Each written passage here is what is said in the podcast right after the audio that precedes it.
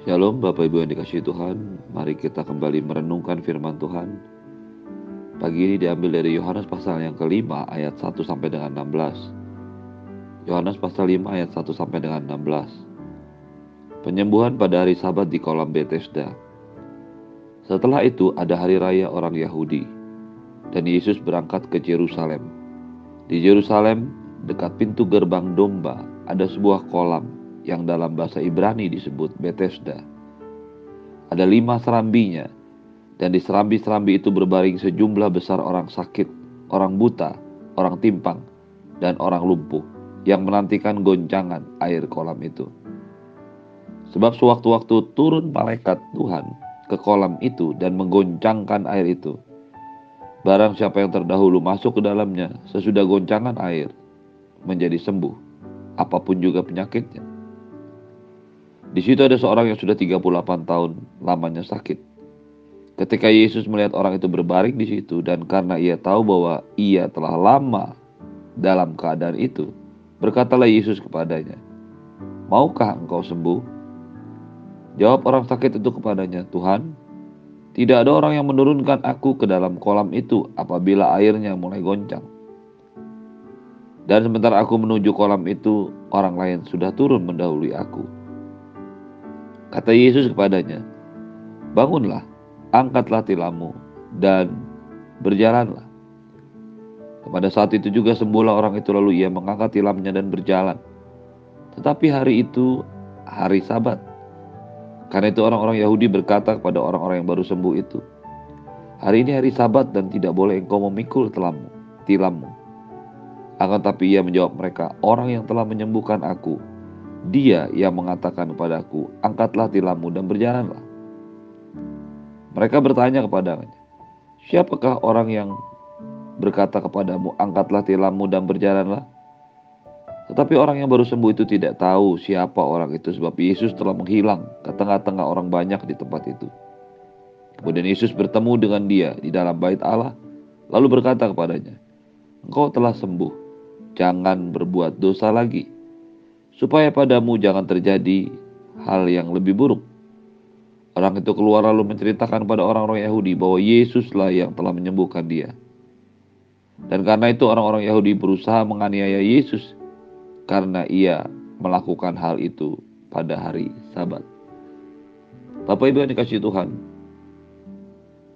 Yesus berjalan menuju kota Jerusalem karena pada saat itu ada hari raya orang Yahudi ada hari-hari raya orang-orang Yahudi di mana orang Yahudi dan penganut agama Yahudi harus datang berziarah, harus datang pergi ke kota Jerusalem. Kata hari raya orang Yahudi ini menunjukkan bahwa ini adalah sebuah perayaan di mana orang Yahudi harus pergi ke kota Jerusalem. Dan Yesus pun berangkat ke sana. Mengapa Yesus berangkat ke Jerusalem? Pada hari raya orang Yahudi? Apakah dia sedang menunjukkan sesuatu? Apakah dia sedang menunjukkan bahwa sebagai utusan daripada Tuhan, sebagai anak Allah, dia juga tetap menghargai dan menghormati hari Sabat atau hari raya orang Yahudi lainnya? Yesus masuk ke sana karena dua alasan. Yang pertama, dia menunjukkan bahwa dia menghargai Taurat dan semua aturannya. Dia pernah berkata bahwa dia datang bukan untuk meniadakan hukum Taurat, tetapi untuk menggenapinya. Apa yang dilakukan Tuhan Yesus ketika ia berangkat ke Yerusalem pada hari raya orang Yahudi menunjukkan bahwa dia menghargai apa yang Tuhan sudah sampaikan melalui Taurat. Alasan yang kedua, karena dia tahu bahwa pada saat itu ada begitu banyak orang Yahudi yang memang berkumpul atau datang ke Yerusalem untuk merayakan hari raya itu. Sehingga lebih banyak lagi kemungkinan untuk ia memberitakan Injil dan melakukan perkara-perkara ajaib bersama-sama dengan Tuhan. Di Yerusalem, dekat pintu gerbang domba atau pintu gerbang singa saat ini, ada sebuah kolam yang dalam bahasa Ibrani disebut Bethesda. Ada lima serambi, di dalam serambi itu berbaring sejumlah besar orang, lumpuh, buta, timpang, menantikan goncangan air itu. Bapak Ibu yang dikasih Tuhan, kalau kita belajar dari sejarah apa yang terjadi di kolam Bethesda, bukanlah mujizat yang diadakan oleh Tuhan. Kolam Bethesda berbeda dengan kolam Siloam. Itu sebabnya nanti kita akan melihat apa yang diperintahkan Tuhan Yesus kepada orang yang sakit 38 tahun ini. Tetapi satu catatan sejarah menunjukkan bahwa kolam Bethesda adalah sebuah kolam yang saat itu dipercaya oleh orang-orang Yahudi atau siapa pun yang tinggal di Yerusalem sebagai tempat atau kolam kesembuhan. Memang Alkitab kita menulis jika sewaktu-waktu malaikat Tuhan datang dan air itu bergoncang, maka siapa yang pertama masuk ke kolam akan sembuh. Apakah ini menjadi sebuah tanda bahwa betul-betul malaikat Tuhan yang turun ke dalam kolam air. Jika memang Tuhan mau menyembuhkan dengan cara seperti ini, maka kita akan melihat adanya kemungkinan besar orang menjadikan tempat ini menjadi satu tempat yang dikhususkan, yang disucikan. Menurut catatan sejarah, kolam Bethesda ini sebenarnya adalah salah satu kolam yang dibangun oleh penganut-penganut paganisme. Orang-orang yang percaya bahwa ada dewa-dewi. Kolam ini adalah kolam yang dibangun untuk memuja dewa Aklevius.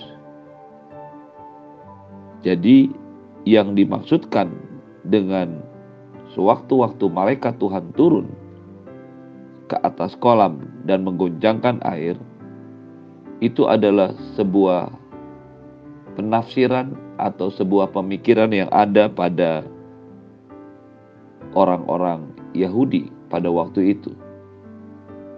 Tetapi apakah sebenarnya demikian? Apakah sebenarnya malaikat Tuhan yang menyembuhkan? Catatan sejarah justru menunjukkan bahwa kolam ini adalah kolam pemujaan. Kolam yang dibangun dalam rangka mempengaruhi orang-orang Yahudi atau penganut agama Yahudi dengan Helenisasi, peyunanian, pemikiran dan konsep keagamaan orang-orang Yahudi yang ada. Pemujaan terhadap dewa Aklevius ini adalah salah satu dewa yang dianggap sebagai dewa kesembuhan. Kita bisa melihat Aklepion, Aklepion, tempat pemujaan ini di seluruh di banyak tempat di mana pengaruh paganisme atau Romawi atau Yunani itu ada. Satu kali saya pernah diajak ke kota Pergamus untuk melihat Akeprion, tempat pemujaan kepada dewa ini. Jadi ketika orang Yahudi datang ke Yerusalem untuk merayakan hari raya orang Yahudi, sebagian dari mereka berkumpul justru di tempat pemujaan kepada dewa kesembuhan ini. Hal ini tentu saja menjadi suatu hal yang sangat menyedihkan sehingga Tuhan Yesus harus datang ke kolam Bethesda. Memang kolam Bethesda adalah sebuah nama yang diberikan dalam bahasa Ibrani, Bethesda. Bethesda dalam bahasa Ibrani berarti house of mercy atau house of kindness rumah tempat di mana terjadi kebaikan, belas kasihan.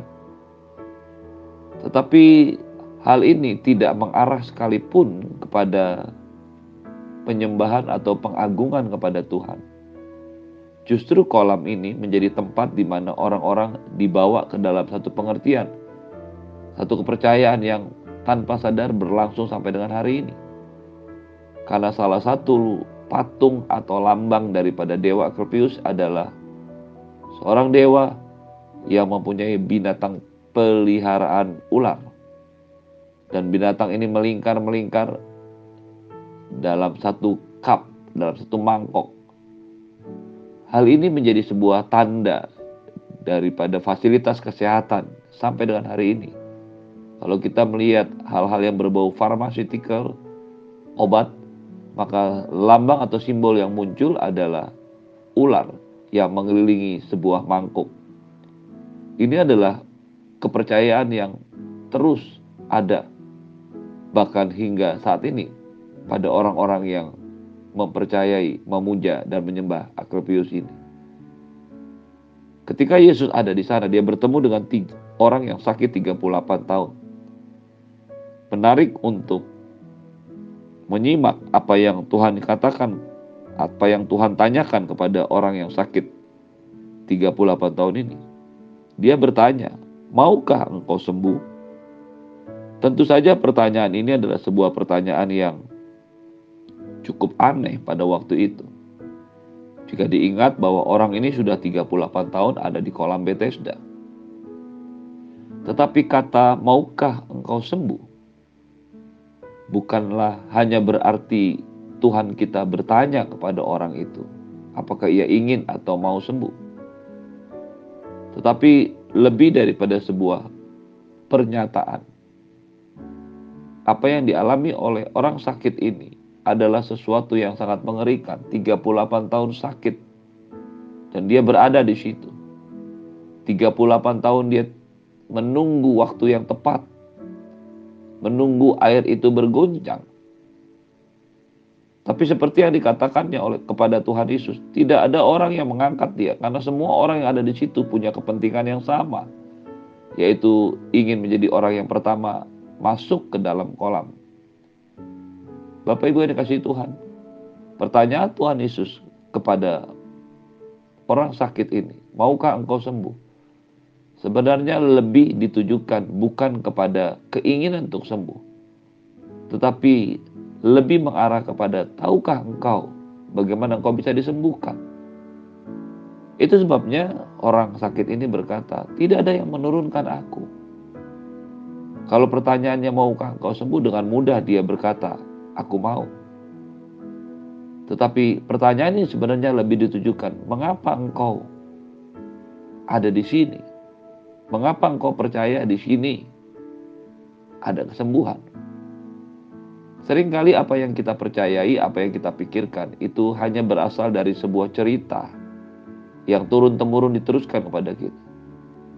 Bayangkan setelah 38 tahun sakit, orang ini masih tetap percaya bahwa di situ, di kolam Bethesda, ada kesembuhan. Itu sebabnya Yesus bertanya kepadanya, maukah engkau sembuh? Lebih tepat sebenarnya mengarah kepada, tahukah engkau bagaimana engkau sembuh? Ketika orang sakit itu menjelaskan, tidak ada orang yang menurunkan dia. Tuhan langsung berkata, bangunlah, angkatlah tilammu dan berjalanlah. Tuhan tidak ingin orang sakit ini tetap ada dalam pengertian yang salah. Dengan singkat ia berkata, kalau engkau mau sembuh, dengarkan saya. Bangunlah, angkat tilammu, dan berjalanlah. Ketika orang sakit itu mendengar apa yang dikatakan Tuhan Yesus, ia lalu bangun dan sembuh dari penyakit. Walaupun dia tidak tahu siapa Yesus itu yang sebenarnya. Hal ini terbukti pada saat orang bertanya kepadanya, Siapakah yang menyembuhkanmu? Dia mencari-cari dan Tuhan Yesus sudah menyelinap dari di keramaian orang banyak. Karena ada sejumlah besar orang sakit di situ. Orang ini tidak mengenal siapa Yesus. Ketika orang-orang Farisi, orang-orang yang bertanya siapa yang menyembuhkanmu, dia tidak tahu. Tetapi iman dia, kepercayaan dia terhadap perkataan Yesus, itulah menyembuhkan dia. Pagi hari ini kita belajar satu perkara, bahwa iman yang Anda dan saya miliki di dalam Tuhan adalah iman karena kita percaya kepada Tuhan. Ketika kita membaca merenungkan firman Tuhan, ketika kita tahu apa yang dikatakan oleh firman Tuhan, bagian daripada Anda dan saya hanya tinggal mempercayainya. Yesus langsung bertemu dengan dia di bait Allah dan berkata, jangan berbuat dosa lagi. Engkau telah sembuh, jangan berbuat dosa lagi, supaya jangan terjadi padamu yang lebih buruk.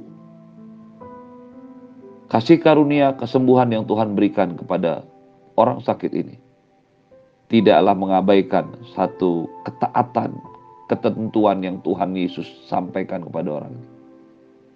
Memang karena kasih karunia, orang sakit ini mengalami kesembuhan, anugerah Tuhan. Tapi perhatikanlah, dengan tegas Tuhan Yesus berkata, jangan berbuat dosa lagi. Supaya tidak terjadi yang lebih buruk. Kata yang lebih buruk berasal dari bahasa Yunani, kairon, menjengkelkan. Mengapa Yesus perlu menyampaikan itu? Karena orang itu telah ada di sana selamat, sakit, dan mengharapkan kesembuhan pada sesuatu yang salah. Yesus mau dia percaya pada Yesus dan tidak mempercayai semua yang dipercaya oleh banyak orang yang jahat. Pagi hari ini, dengarkanlah firman Tuhan, lakukanlah. Amin.